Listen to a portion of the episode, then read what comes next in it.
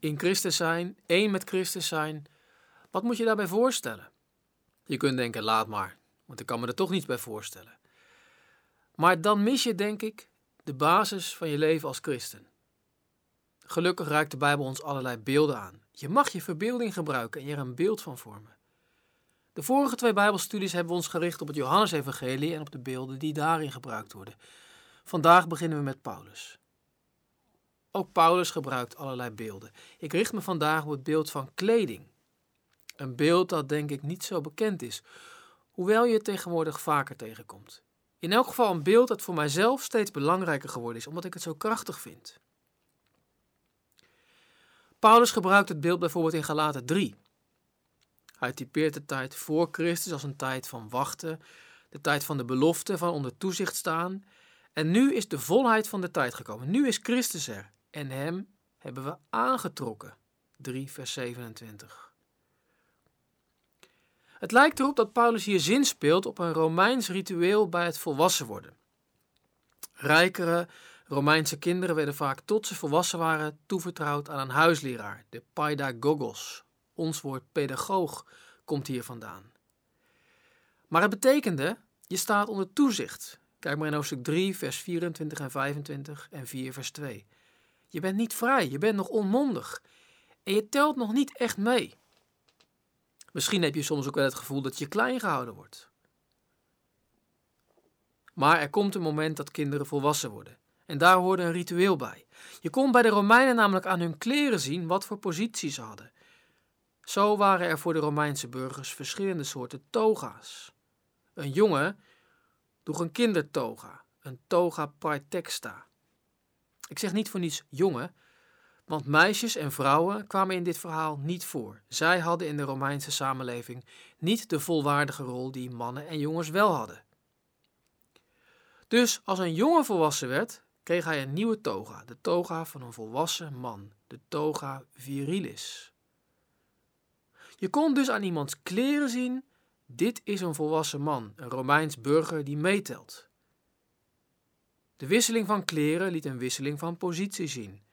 Niet meer een onmondigheid van iemand die onder toezicht van een pedagoog staat, net zoiets als een onmondige slaaf, maar nu een Romeins burger, vrij, verantwoordelijk, bevoegd om te handelen. Als je bij Christus gaat horen, gebeurt er net zoiets. Paulus zegt: Als je gedoopt wordt, dan word je in Christus ingedoopt. Je wordt in Hem ondergedompeld en zo word je één met Hem. Dat betekent, je trekt Christus aan. Christus aantrekken is volgens Paulus net zoiets als die wisseling van toga. Je trekt als het ware een toga virilis aan en je krijgt een nieuwe positie. Wie ben je? Tegenwoordig wordt vaak gezegd dat Christus je identiteit bepaalt. Dit beeld van kleding laat dat heel duidelijk zien. Je hebt Christus aangetrokken. En daardoor deel je in zijn identiteit. Dat wil zeggen, op een heel fundamentele manier bepaalt Jezus Christus wie je bent. Wat je positie is tegenover God en tegenover mensen. En wat is die positie dan? In vers 26 staat dat we nu allemaal zoon van God zijn. Zonen van God, net als Jezus. Wij zijn zonen met de Zoon van God. Duizelingwekkend. Je hebt Jezus aangetrokken en Hij is om je heen, dicht om je heen, zoals je kleren om je heen zijn. Voel maar eens hoe je kleren om je lijf heen zitten. Zo is Hij om je heen. Zo ben je één met Hem. Zonen. Dat moet je niet te snel vertalen als kinderen, want in Paulus' tijd hadden zonen een andere positie dan dochters. Dochters waren geen erfgenaam en deelden niet in de erfenis van hun vader. Dochters waren niet volledig bevoegd tot handelen. Kopen en verkopen van grote dingen, stemmen en gekozen worden, dat waren mannenzaken. Dochters waren minder dan zonen. Dochters telden niet volledig mee. Maar wat gebeurt er als je Christus aantrekt en in Christus bent? Met mannen en vrouwen gebeurt hetzelfde. Mannen en vrouwen worden allebei zoon van God. En denk niet, hallo, dat is vrouwonvriendelijk. Nee, het betekent namelijk niet dat vrouwen allemaal man worden, maar dat vrouwen en mannen dezelfde positie krijgen. Zonen van God. en zoon van God, dat betekent een heleboel. Het betekent dat je hoort bij Israël, Gods volk, en ook zoon van God. En dus kind van Abraham. En dus je deelt in de zegen van Abraham. Dat wil zeggen dat je erfgenaam van God bent. Het betekent dat je geen kleine baby meer bent, maar dat je voor God volwaardig meetelt. En dat je net zo'n relatie met God hebt als de Zoon van God, Jezus. God is dus je Vader. Even snel een rijtje, maar stuk voor stuk zijn dit geweldig grote dingen. Israël, Gods volk, wordt in het Oude Testament Zoon van God genoemd. Als je zoon van God bent, dan hoor je bij Israël en hoor je bij Abraham. Ook al heb je helemaal geen Joodse familie, ook al ben je niet besneden. Ook al ben je een Nederlander, een Surinamer, een Marokkaan, een Chinees. Die verschillen vallen weg. Als Israëliet mag je je laten besnijden en leven volgens de Torah. Als niet-Israëliet hoeft dat niet. Maar allemaal kun je kind van Abraham zijn. Geloven in God, een goede en open relatie met God hebben, zonder de last van schuld of schaamte, zonder angst voor God. Lees maar in Galaten 3, vers 8 en 9. Nee, je krijgt de zegen die aan Abraham beloofd is. Voor God tellen cultuurverschillen niet. Het ideaal van een multiculturele gemeenschap is hier begonnen, in Christus Jezus. Eén volk van God met allemaal verschillende mensen. Wel allemaal mensen die erven wat aan Abraham beloofd was. Galaten 3 vers 14 en 29. God had aan Abraham beloofd, in jou zullen alle volken van de aarde gezegend worden. En dat gebeurt als je één met Christus bent en hem hebt aangetrokken. Gezegend ben je. Wat betekent dat? Als God je zegent, dan is Hij bij je en zorgt Hij dat het met jou goed komt. Je bent voortaan vrij en mondig. Kijk maar in Galaten 3, vers 29, 4, vers 1 en 7. Zonder Jezus voel je je misschien onvrij, een slaaf, bang voor afwijzing, bang voor straf. Je schaamt je om wie je bent. Wat stel ik nou voor?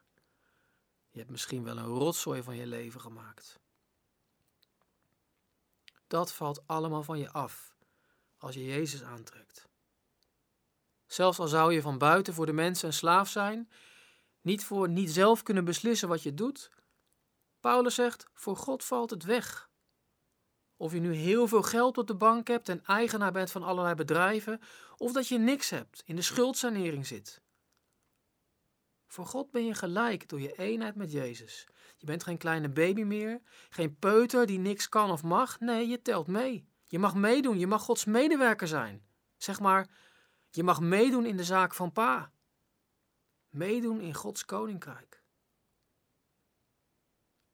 Zoon van God, dat is dus niet een klein kind dat bij God de Vader op schoot wegkruipt. God houdt ons niet klein en onmondig. Leuk om mee te knuffelen, maar als het erop aankomt, moet je terug in je hok. Nee, je mag worden zoals je bedoeld bent. Door God geschapen om vrij en verantwoordelijk lief te hebben. Voor elkaar en voor Gods wereld te zorgen. Je inzetten voor Gods koninkrijk. Op jouw manier. Maar wel in dezelfde positie als Jezus. Zoon van God. Als jij zoon van God is, bent, wat is God dan?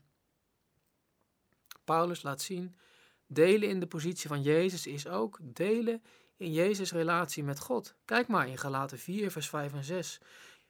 Je mag tegen God precies hetzelfde zeggen als Jezus. Abba. Aramees voor pa, papa. Zie je dat Jezus aantrekken ook voor je gebed fundamenteel is? Bidden is met God omgaan zoals Jezus met zijn vader omgaat. Abba zeggen. Denk je nu, dit gaat te ver? Of dit klinkt wel mooi, maar ik voel er niets bij? Paulus laat zien, God zet je op deze plek neer, van buiten en van binnen. Van buiten.